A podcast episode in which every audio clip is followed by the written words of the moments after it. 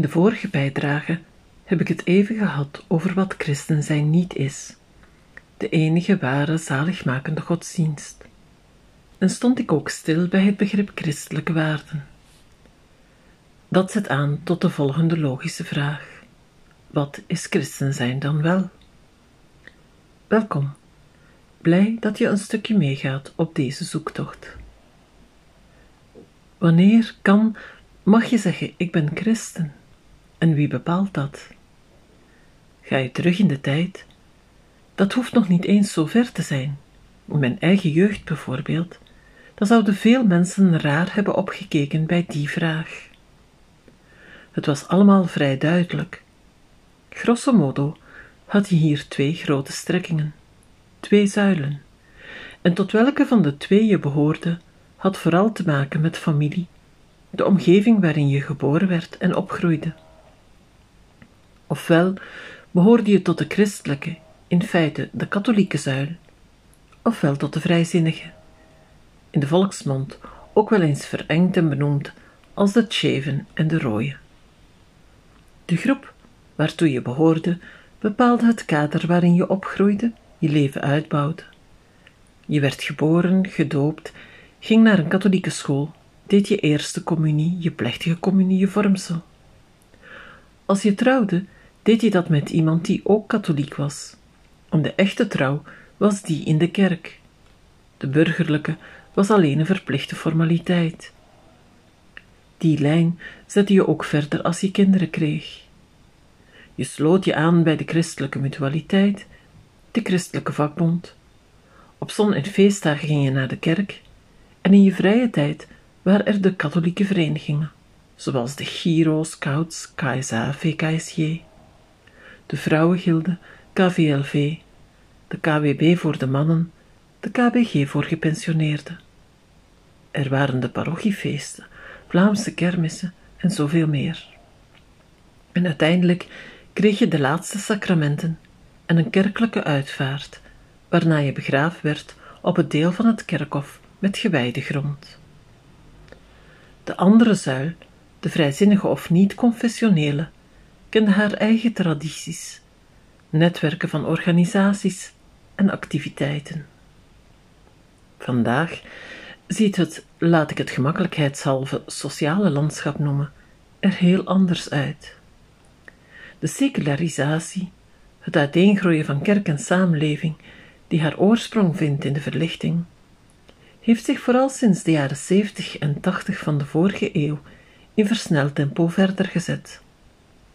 Daardoor, en ook door de mondialisering, het groter worden van de bekende wereld, onder andere door de ontwikkeling van televisie, internet, sociale media, heeft de grenzen doen vervagen.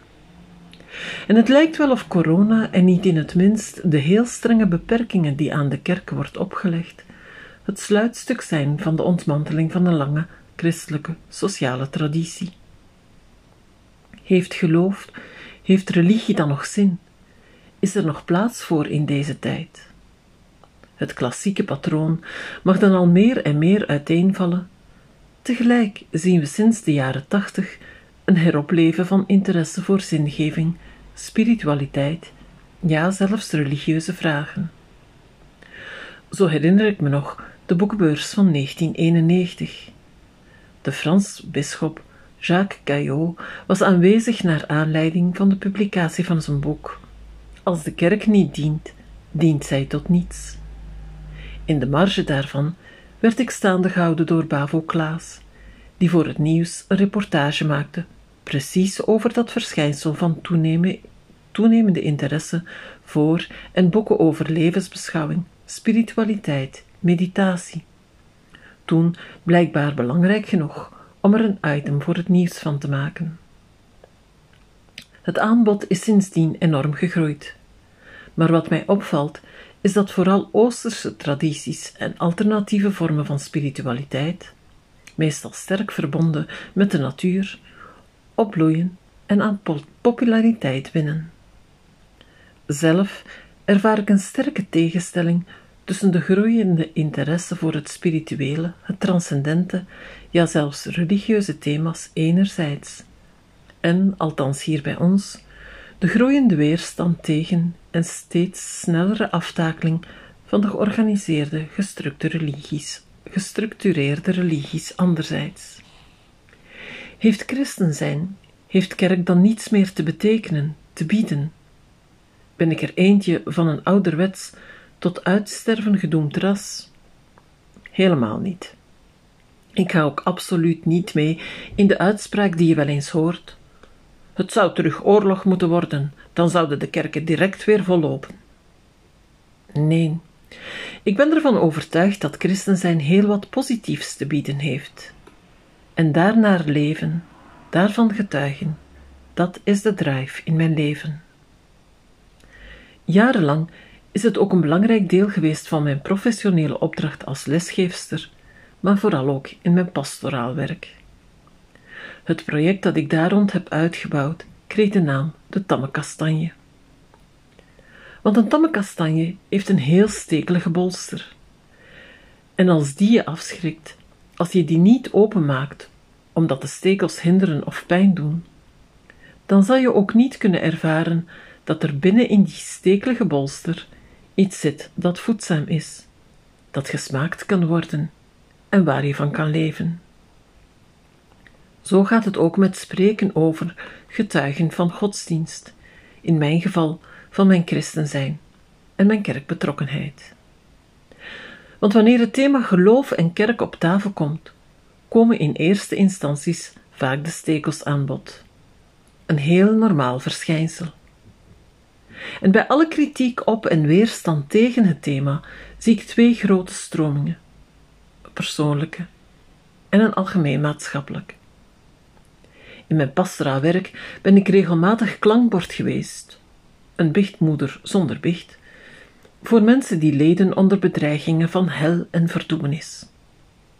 Omdat er na twee jaar huwelijk nog geen kinderen waren, bijvoorbeeld. En de pastoor hen zei dat ze toch wel wisten dat ze hun huwelijksplicht moesten vervullen en kinderen maken tot meerdere eer en glorie van God en de katholieke kerk.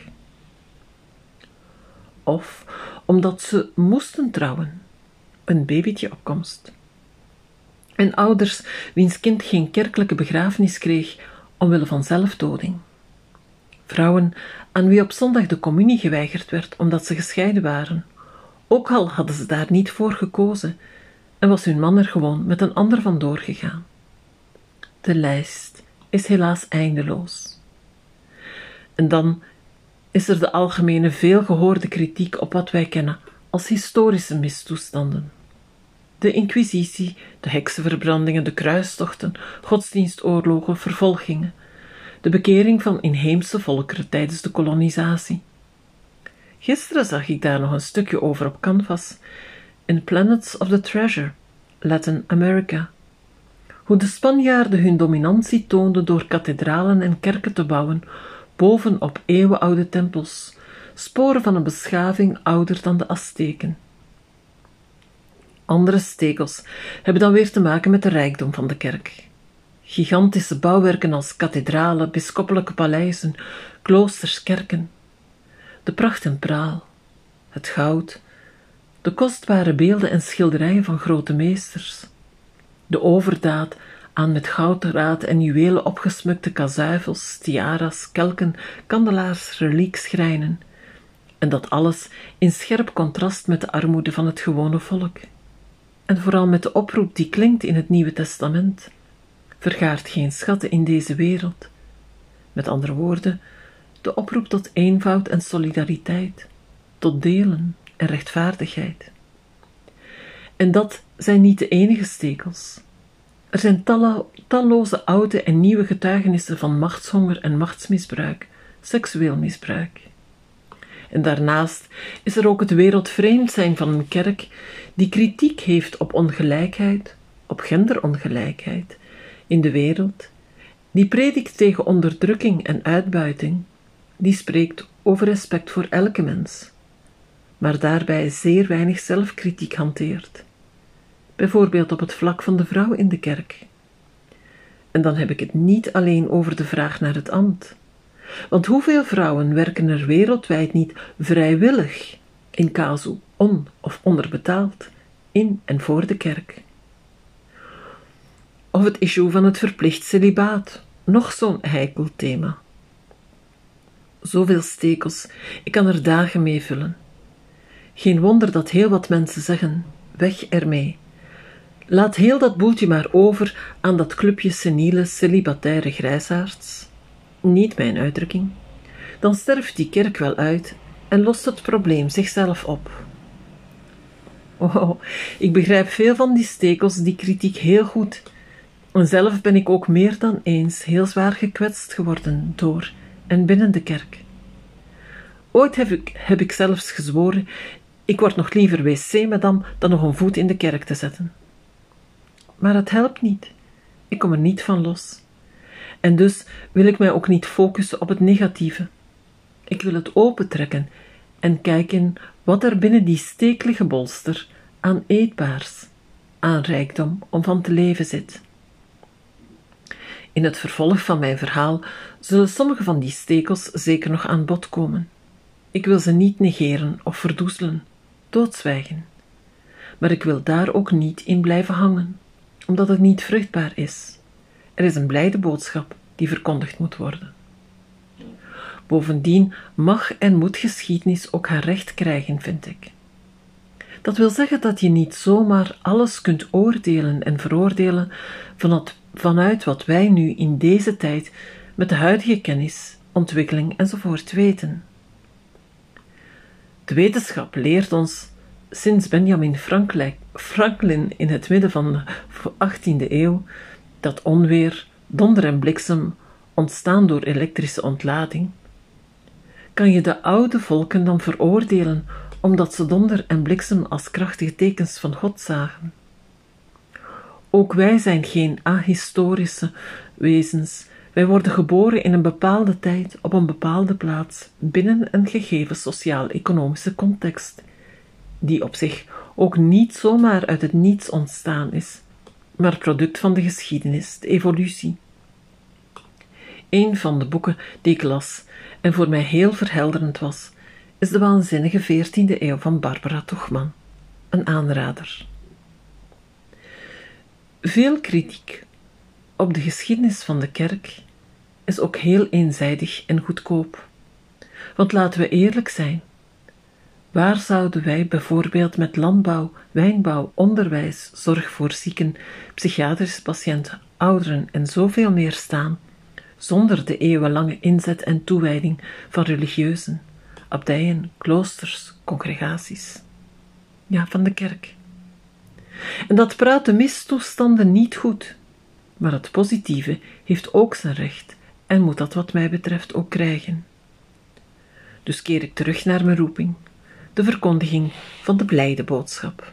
Het christen zijn als richting, leidraad, steun en houvast om uit te groeien tot een gelukkig, sociaal bewogen, spiritueel rijk iemand.